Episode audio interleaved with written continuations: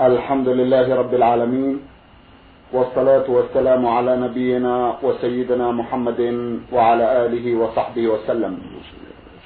مستمعي الكرام السلام عليكم ورحمة الله وبركاته وأسعد الله أوقاتكم بكل خير. هذه حلقة جديدة مع رسائلكم في برنامج نور على الدرب. رسائلكم في هذه الحلقة نعرضها على سماحة الشيخ عبد العزيز بن عبد الله بن باز الرئيس العام لإدارات البحوث العلمية والإفتاء والدعوة والإرشاد. مع مطلع هذه الحلقة نرحب بسماحة الشيخ ونشكر له تفضله بإجابة السادة المستمعين فأهلا وسهلا بالشيخ عبد العزيز. حياكم الله وبارك حياكم الله. أولى رسائل هذه الحلقة رسالة وصلت إلى البرنامج من المملكة الأردنية الهاشمية عمان. وباعثها أخونا علي يونس عبد الله صالح من دائرة التربية والتعليم. أخونا رسالته مطولة بعض الشيء يبدأها فيقول نعرف جميعا أن الأرض قد حرمها الله على أجساد الأنبياء والشهداء. فهل حرمت أيضا على الصالحين؟ ومن هم الصالحون في التقييم الإسلامي وعند الله سبحانه وتعالى؟ وهل يعتبر سيف الله المسلول خالد بن الوليد من الصالحين؟ وهل حرمت الأرض على جسمه؟ رغم أنه لم يمت شهيدا ولكن قيمته بأكثر من قيمة الشهيد. وأيضا ذكر الله سبحانه وتعالى في كتابه العزيز بعد أعوذ بالله من الشيطان الرجيم ومن يرغب عن ملة إبراهيم إلا من سفه نفسه ولقد اصطفيناه في الدنيا وإنه في الآخرة لمن الصالحين. وفي موضع آخر من القرآن الكريم قال الله تعالى إن إبراهيم كان أمة قانتا لله حنيفا ولم يكن من المشركين. شاكرا لأنعمه اجتباه وهداه إلى صراط مستقيم وآتيناه في الدنيا حسنة وإنه في الآخرة لمن الصالحين. ثم أوحينا إليك أن اتبع ملة إبراهيم حنيفا وما كان من المشركين. صدق الله العظيم. ذكر الله سبحانه وتعالى في هاتين الآيتين أن إبراهيم عليه السلام كان من الصالحين. فهل كان سيدنا إبراهيم عليه السلام نبيا كما نعلم جميعا أم صالحا كما ذكر الله سبحانه وتعالى في كتابه العزيز؟ أرجو التوبية تجاه هذه القضايا. جزاكم الله عنا خيرا وعن المسلمين. والسلام عليكم. بسم الله الرحمن الرحيم. الحمد لله وصلى الله وسلم على رسول الله وعلى آله وأصحابه ومن اهتدى بهداه. أما بعد فقد صح الحديث عن رسول الله عليه الصلاة والسلام أن الله حرم الأرض أن تأكل أجساد الأنبياء. أما الشهداء والصالحون فلم يرد فيما نعلم ما يدل على تحريم أجسادهم على الأرض وإنما ذاك في الأنبياء خاصة كما جاء به الحديث. ولا ريب أن أصحاب النبي صلى الله عليه وسلم كلهم من الصالحين.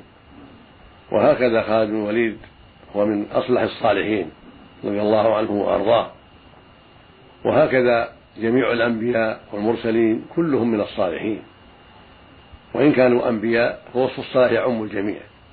إذا أطلق الصالحون فهو يعم يعم الأنبياء والمرسلين وجميع عباد الله المؤمنين الذين استقاموا على دينه وأدوا حقه وحق عباده. يقال لهم صالحون كلهم. وهكذا قال الله جل وعلا في شأن إبراهيم سماه ادخله الصالحين في كونه ممن قام بحق الله وحق عباده. ولهذا قال جل وعلا ومن يرغب عن مله إبراهيم إلا من سفه نفسه ولقد اصطفيناه الدنيا وإنه في الآخرة من الصالحين. فهو مصطفى مختار وهو خليل الرحمن وهو أفضل الأنبياء وأكملهم بعد نبينا محمد عليه الصلاة والسلام. ونبينا هو سيد ولد آدم وهو خليل الله الثاني فإبراهيم ومحمد هما الخليلان. وإبراهيم هو جده ومحمد حفيد إبراهيم. وهو أفضل الأنبياء ويليه في الفضل جده إبراهيم عليهم الصلاة والسلام جميعا. وعلى سائر أنبياء الله ورسله. والصالحون إذا أطلقوا عموا الأنبياء والصالحين والشهداء وجميع من اتقى الله وأدى حقه وحق عباده يقال له صالح. وإذا أضيفوا إلى الأنبياء والصديقين والشهداء صاروا غيرهم كما في قوله جل وعلا ومن يطع الله والرسول فأولئك مع الذين أنعم الله عليهم من النبيين والصديقين والشهداء والصالحين وحسن أولئك رفيقا. فجعل الصالحين في المرتبة الرابعة. وهم غير الأنبياء وغير الصديقين وغير الشهداء. المرتبة الأولى مرتبة الأنبياء والرسل. ثم يليهم مرتبة الصديقية. ثم يلي ذلك مرتبة الشهداء ثم عم الصالحين. والصالح من عباد الله هو الذي أدى حق الله وحق عباده. يقال الصالح. أدى حق الله يعني أدى أوامره واجتنب نواهيه وأدى حق العباد فلم يظلمهم بل أدى حقوقهم من حق الجوار وحق المؤمن على أخيه وحق الوالدين وحق الرحم إلى غير ذلك. فالصالح من عباد الله هو الذي أدى حق ربه رغبة فيما عنده وإخلاصا له سبحانه وأدى حق العباد ولم يظلمهم ولم ينقصهم حقوقهم. فهذا يقال له صالح ويقال له مؤمن. ويقال له مسلم ويقال له تقي ويقال له بر. فالصالحون هم الأبرار وهم الأتقياء وهم المتقون وهم المؤمنون وهم المسلمون. وهذه الأوصاف تشمل الأنبياء والصالحين. الأنبياء يقال لهم مسلمون ويقال صالحون ويقال مؤمنون ويقال متقون ويقال أبرار. لكنهم يمتازون بالنبوة والرسالة فهم في المرتبة العليا. أعلى المراتب وأفضلها مرتبة الأنبياء والرسل. والرسل أعلى مرتبة ثم يليهم النبيون ثم يلي ذلك مرتبة الصديقين الذين كمل تصديقهم وكمل إيمانهم حتى صارت منزلتهم فوق منزلة الشهداء والصالحين بسبب كمال صدقهم وكمال تصديقهم وكمال إيمانهم وكمال تقواهم لله سبحانه وتعالى. ثم يليهم الشهداء الذين باعوا نفوسهم على الله وقدموها طاعة لله واستشهدوا في سبيله ثم يليهم عموم المؤمنين وهم الصالحون. وبذلك يتضح لك أيها السائل أن الصالح يوصف به جميع المؤمنين من الأنبياء وغيرهم عند الإطلاق وعند ضمه إلى الرسل والأنبياء والصديقين والشهداء يكون في المرتبة يكون الصالح في المرتبة الرابعة. يعني الذي أدى حق الله وأدى حق, حق, حق عباده ولكنه ليس نبيا ولا صديقا ولا شهيدا. ومنهم خالد بن الوليد رضي الله عنه ورحمه. وبقية الصحابة الذين لم يستشهدوا ولم يكونوا من الصديقين هم من هذه المرتبة نعم. إذا كون آه، نبي الله إبراهيم عليه السلام يوصف بأنه من الصالحين لا يخرجه عن كونه نبي. لا يخرجه. الأنبياء صالحون وهو أنبياء. وعلى رأسهم نبينا محمد صلى الله عليه وسلم ثم الخليل إبراهيم. هما أفضل الناس وهما أفضل الأنبياء. نعم. عليهم الصلاة والسلام. موضوع شهادة خالد بن وليد رضي الله عنه. ومات على فراشه نعم. نعم. لكن يقول أخونا إنه أفضل من الشهداء. هل يقال هذا؟ قد يقال أفضل من كثير من الشهداء. أيوة. قد يقال أفضل من كثير من الشهداء. أما أفضل من الشهداء على العموم أيوة. لكن يقال أفضل من كثير من الشهداء. لما أعطاه الله من الفضل العظيم والبسالة في الجهاد والصبر على الجهاد والقوة في دين الله وما حصل هذه من النفع العظيم في قتال أهل الردة وغيرهم من قتال الروم قتال الفرس. الله جل وعلا جعل له مراتب كبيرة ومزايا عظيمة. فهو لا شك من الصالحين وهو لا شك أفضل من كثير من الشهداء. بارك الله فيكم. ننتقل إلى رسالة أخرى وموضوع آخر. الرسالة من إحدى الأخوات المستمعات تقول مريم نون عين ميم. أختنا لها زميلات في الكلية تصفهن بأوصاف قاسية. بعض الشيء سماحة الشيخ وتعاني كثيرا من آه، مشاهدتها لأحوالهن وترجو من سماحتكم التوجيه.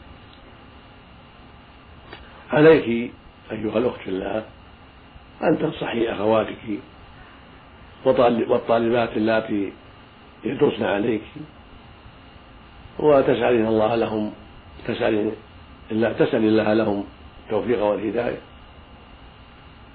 هذا هو الذي بيدك. وقد ثبت عن رسول الله عليه الصلاة والسلام أنه قال الدين النصيحة. لمن يا رسول الله؟ قال لله. ولكتابه ولرسوله ولأئمة المسلمين وعامتهم وهذا يشمل الرجال والنساء والمدرسات والطالبات والمدرسين والطلبة. فعليك أن تنصحي وتوجهي إلى الخير. وإذا كان في يدك قدرة على تأديب من يستحق التأديب فافعلي. كبنتك وطالباتك ونحو ذلك. والله جل وعلا لا يكلف نفسا إلا وسعها. ويقول سبحانه فاتقوا الله ما استطعتم. وإذا كان في الإمكان رفع أمر بعض البنات إلى أوليائهن ليقوموا بالتعذيب والتوجيه والإلزام بالحق هذا كذلك إلى الأمر بالمعروف والنهي عن المنكر. فعليك أن تتقي الله وعليك أن تواصلي النصيحة والدعوة والتوجيه إلى الخير وأن تدعي المولى سبحانه لهن بالتوفيق في صلاتك وفي سائر أوقاتك لأن هذا مما ينفع الله به. دعوة المؤمن لأخيه ودعوة المؤمنة لأخيها وأختها في الله في ظهر الغيب هذا من أعظم الإحسان وهو من أسباب الإجابة. نعم. رسالة وصلت إلينا من أحد الإخوة المستمعين يقول آدم سمسم فيما يبدو آدم سمسم برينو سوداني. أخونا رسالته أيضا من الرسائل المطولة يقول فيها بعد التحية والإحترام الصلاة واجبة على كل إنسان وهذا أمر مفروغ منه. إلا أنه اختلط لدينا الحابل بالنابل. هذا تعبير الشيخ عبد العزيز. نعم. اختلط لدينا الحابل بالنابل في كيفية أدائها وذلك من ناحية أقوال العلماء والمشايخ في كيفية الأداء. ولكي يكون الإنسان على علم بذلك أي الطريقة الصحيحة لأدائها كما يؤديها رسول الله صلى الله عليه وسلم. أرجو من سماحة الشيخ أن يتفضل بإيضاح ما يلي. أولا طريقة الرسول صلى الله عليه وسلم في أداء الصلاة. الأدعية التي يقولها الرسول صلى الله عليه وسلم بعد إتمام الركعات في كل صلاة وقبل التشهد الأخير. ما يقوله الرسول بعد التسليم وطريقة التسليم. الدعاء للميت. أي شيء يتعلق بكيفية الصلوات الخمس الاعتكاف ووقته وكيفيته كما أرجو أن يكون ذلك واضحا جليا مختصرا حتى أستطيع تسجيله وفهمه. جزاكم الله عنا خيرا. قد كتبنا في هذا رسائل فيما يتعلق كيفية صلاة النبي صلى الله عليه وسلم وفي عظم شأن الصلاة وأداء الصلاة في الجماعة. أرجو أنها وصلت إليك أيها السائل. ولا مانع من إرسالها إليك. أما ما يتعلق بمعرفة ذلك من طريق هذا البرنامج فنوصيك أيها السائل وسائر الإخوة بالعناية بسنة الرسول صلى الله عليه وسلم ومراجعة الأحاديث الصحيحة الواردة في ذلك في الصحيحين وفي غيرهما وفي مثل الملتقى للمجد بن تيمية وبلوغ المرام للحافظ ابن حجر رحمه الله ومثل عمدة الحديث للشيخ العلامة عبد الغني بن عبد الواحد بن علي بن سور المقدسي رحمه الله. وهكذا الكتب التي جمعت في الحديث الشريف مثل رياض الصالحين مثل جامع الأصول والخلاصة أنه عليه الصلاة والسلام كان إذا قام إلى الصلاة كبر ورفع يديه حيال منكبيه وربما رفعهما إلى أذنيه عليه الصلاة والسلام قائلا الله أكبر في أول الصلاة الظهر والعصر والمغرب والعشاء والفجر والنوافل. يقول الله أكبر. هذا أول شيء للصلاة وفي الحديث تحريمها التكبير. ثم يأتي بالاستفتاح. وهو دعوات يقولها قبل القراءة. وربما كانت أذكارا. فمن ذلك سبحانك اللهم وبحمدك وتبارك اسمك وتعالى جدك ولا إله غيرك. وهذا الاستفتاح كله ذكر. ومن ذلك اللهم باعد بيني وبين خطاياي كما بعدت بين المشرق والمغرب اللهم نقني من خطاياي كما ينقى الثوب الأبيض من الناس. اللهم اصلني من خطاياي بالثلج والماء والبرد. وهذا أصح ما ورد في هذا الباب. وكله دعاء. ومنها اللهم رب جبريل وميكائيل وإسرافيل فاطر السماوات والأرض عالم الغيب والشهادة أنت تحكم بين عبادك فيما كانوا فيه يختلفون. اهدني لما اختلف من حق بينك إنك تهدي من تشاء إلى صراط مستقيم. وهذا من أجمعين. أنواع الاستفتاح. وهناك استفتاحات أخرى تجدها في محلها من كتب الحديث. ولكن هذه الثلاثة من أخصرها ومن أثبتها.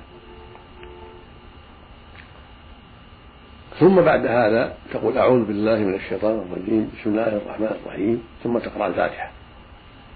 الحمد لله رب آخرها والفاتحة هي أعظم سورة في القرآن الكريم. وهي ركن الصلاة. كما قال النبي صلى الله عليه وسلم لا صلاة لمن لم يقرأ بفاتحة الكتاب. فيقرأها الإمام ويقرأها المنفرد ويقرأها المأموم. لكنها في حق الإمام والمنفرد آكد وأوجب. واختلف العلماء في وجوبها على المأموم على أقوال. أحدها أنها تجب على المأموم مطلقا في السر والجهر والثانية أنها تجب عليه السرية لا في الجهرية والثالث أنها لا تجب لا في السرية ولا في الجهرية ويتحملها عنه الإمام. والأرجح أنها واجبة عليه في السر والجهر. لعموم الأحاديث الدالة على ذلك. لكن إذا لم يأتي إلا, إلا, والإمام في الركوع فإنه تجزئه الركعة.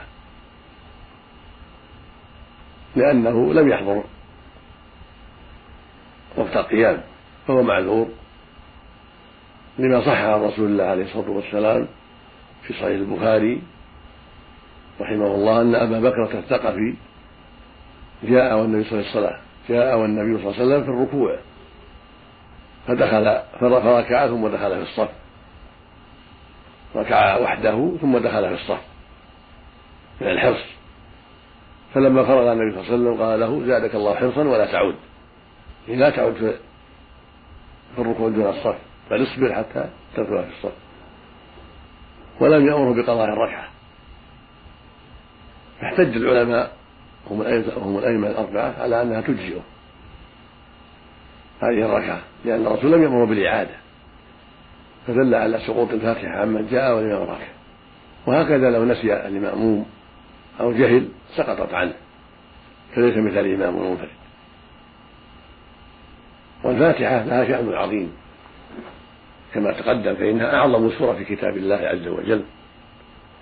فالمشروع للمؤمن عند قراءتها أن يتدبرها ويتعقلها في الصلاة وخارجها وقد صح عن رسول الله عليه الصلاة والسلام قال يقول الله عز وجل قسمت الصلاة بيني وبين عبدي نصفين. يعني الفاتحة سماها الصلاة. فإذا قال الحمد لله رب العالمين قال الله حمدني, حمدني عبدي. وإذا قال الرحمن الرحيم قال الله أثنى علي عبدي. وإذا قال مالك يوم الدين قال الله مجدني عبدي. فإذا قال إياك نعبد وإياك نستعين قال الله سبحانه هذا بيني وبين عبدي ولعبدي ما سأل. يعني, يعني إياك نعبد حق الله وإياك نستعين حاجة العبد يستعين بربه. فإذا قال اهدنا الصراط المستقيم صراط الذين أنعمت عليهم غير المغضوب عليهم ولا الضالين. قال الله سبحانه هذا لعبدي ولعبدي ما سأل يعني هذا سؤال من عبد يطلب الهداية وله ما سأل هذا وعد من الله أن يعطيه الهداية. وهذه أشرف مطلوب الهداية. فينبغي لك أيها القارئ أيها المؤمن أيها المؤمنة ينبغي لكل منكما تدبر هذه السورة والعناية بها والخشوع فيها والإقبال عليها عند قراءتها. وهكذا عند قراءة جميع القرآن. كما قال الله سبحانه كتاب أنزلناه إليك مبارك ليدبروا آياته وليتذكر أولو الألباب. وإذا قال ولا الضالين يقول آمين سواء كان في الصلاة أو في خارجها السنة يقول آمين الإمام والمأموم والمنفرد في الصلاة وخارجها آمين معناها استجب يا ربنا. ثم بعد ذلك يقرأ الإمام والمنفرد سورة بعد الفاتحة أو آيات بعد الفاتحة كما كان النبي يفعل عليه الصلاة والسلام. ويطيل في الفجر مثل قاف في سورة قاف مثل والطور والنجم إذا هوى ثروة الساعة والمسبحات وما أشبه من السور. والظهر كذلك قريب من الفجر. يطيل في الأولى والثانية وتكون الثانية أقصر من الأولى بعض الشيء. وتكون العصر أخف من الظهر. يقرأ سورة وآيات بعد الفاتحة في الظهر والعصر. في الأولى والثانية لكن تكون العصر أخف من الظهر. كما فعل النبي عليه الصلاة والسلام. وفي الثالثة والرابعة يقرأ الفاتحة فقط. الثالثة والرابعة والظهر والعصر والعشاء الفاتحة فقط. وفي المغرب الثالثة يقرأ الفاتحة فقط. وربما قرأ النبي صلى الله عليه وسلم في الظهر زيادة على الفاتحة في الثالثة والرابعة فإذا قرأ بعض الأحيان في الثالثة والرابعة زيادة على الفاتحة بعض الآيات أو بعض السور القصيرة فهو حسن ومستحب في بعض الأحيان. تأسم بالنبي عليه الصلاة والسلام. فقد ثبت عنه هذا في صحيح مسلم من حديث أبي سعيد الخدري رضي الله عنه. ثم يركع رافعا يديه مثل ما رفع عند الأولى. يرفعهما حيال منكبيه أو حيال أذنيه تارة وتارة تأسم برسول الله عليه الصلاة والسلام. ثم يسوي ظهره ورأسه في ركوعه ويضع يديه على ركبتيه. وفرج فيه الأصابع. ويجافي عضديه عن جنبيه لا يلصق ما في جنبيه. خاشعا لربه مطمئنا. يقول سبحان ربي العظيم سبحان ربي العظيم سبحان ربي العظيم. وإذا زاد على ذلك فقالها خمسا أو ست أو سبعا أو أكثر من ذلك فهو حسن. لكن لا يطيل إذا كان إماما إطالة تشق على المأمومين. وقد ثبت عن أنس رضي الله عنه ما يدل على أنه عليه الصلاة والسلام كان يطيل الركوع والسجود وجاء عن غير أنس أيضا. وجاء في بعض أحاديث أنس أنه كان يعد له في الركوع والسجود ما يقرب من عشر تسبيحات. هذا يدل على أن السنة الطمأنينة وعدم العجلة في الركوع والسجود. فيقول سبحان ربي العظيم سبحان ربي العظيم في الركوع. سبحانك اللهم ربنا وبحمدك اللهم اغفر لي. قالت عائشة رضي الله عنها كان النبي صلى الله عليه وسلم يكثر أن يقول في ركوعه وسجوده سبحانك اللهم ربنا وبحمدك اللهم اغفر لي. متفق عليه. ثم يرفع من الركوع رافعا يديه حيال منكبيه أو حيال أذنيه كما فعل عند الركوع وكما فعل عند الإحرام. قائلا سمع الله لمن حمده. إن كان اماما أو منفردا ثم بعد هذا يقول ربنا ولك الحمد. بعد انتصابه قائما يقول ربنا ولك الحمد. أو ربنا لك الحمد بدون واو. أو اللهم ربنا لك الحمد. أو اللهم ربنا ولك الحمد. كله جاء عن النبي عليه الصلاة والسلام. ثم يكبر حمدا كثيرا طيب مباركا فيه ملء السماوات ومن الأرض. ومن ما بينهما ومن ما يشتبه شيء بعد. هذا هو الأفضل. ولو اقتصر على ربنا ولك الحمد كفى. لكن كونه يكمل أولى وأفضل. ويطيل هذا الركن ولا ولا يعجل لأن الرسول كان يطيل عليه الصلاة والسلام حتى يقول القائل قد نسي. وزاد في بعض الأحاديث بعد ومن أماكن من شيء بعد أهل الثناء والمجد أحق ما قال العبد وكلنا لك عبد. اللهم لا مانع لما أعطيت ولا معطي لما مات ولا ينفع ذا الجد منك جد. كل هذا وهو واقف بعد الركوع. هذا هو الكمال. انتصب قائما الإمام والمنفرد. بعد قوله سمع الله لمن حمده يقول ربنا ولك الحمد. حمدا كثيرا طيبا مباركا فيه. ملء السماوات ومن الأرض. ومن ما بينهما ومن ما شئت من شيء بعد. أهل الثناء والمجد الحق ما قال العبد. وكلنا لك عبد. اللهم لا مانع لما أعطيت ولا معطي لما منعت ولا ينفع ذا الجد منك جد وإن اقتصر البعض كفاه ذلك. أما المأموم فعند الرفع يقول ربنا ولك الحمد. المأموم عند رفعه من الركوع يقول ربنا ولك الحمد. أو ربنا لك الحمد. أو اللهم ربنا لك الحمد أو اللهم ربنا ولك الحمد. يقول هذا تارة ولا تارة كله حسن. لأن الرسول عليه السلام قال إذا قال لمن سمع الله لمن حمد فقولوا ربنا ولك الحمد. فلم يأمر أن يقولوا سمع الله لمن حمد بل يقولون ربنا ولك الحمد. قال بعض أهل العلم إنه يقول سمع الله لمن حمده ربنا ولك الحمد يجمع بينهما كالإمام ولكن هذا قول ضعيف. مرجوح والصواب أن المشروع أن يقول ربنا ولك الحمد. فلا يحتاج إلى أن يقول سمع الله لمن بل هذا خاص بالامام والمنفرد ثم يكمل بعد انتصابه. يقول حمدا كثيرا طيبا مباركا فيه. من السماوات ومن الأرض ومن ما بينهما ومن ما من شيء بعد أهل الثناء أحق ما قال العبد وكلنا لك عبد. اللهم لا مانع لما أعطيت ولا معطي لما منعت ولا ينفع ذا الجد من جد. وإن كبر إمامه قبل أن يكمل كبر مع إمامه وترك الباقي. الشيخ عبد العزيز. كبر الإمام قبل أن يكمل كبر كبر وركع مع إمام. نعم. انتهى وقت هذه الحلقة. ترون أن نكمل هذا الوصف المبارك في جلسة قادمة؟ لا بأس نعم إن شاء الله. بارك الله فيكم مستمعي الكرام كان لقاؤنا في هذه الحلقة مع سماحة الشيخ عبد العزيز بن عبد الله بن باز الرئيس العام لإدارات البحوث العلمية والإفتاء والدعوة والإرشاد. من الإذاعة الخارجية سجلها لكم أخونا سليمان الحيدان شكرا لكم جميعا وسلام الله عليكم ورحمة وبركاته.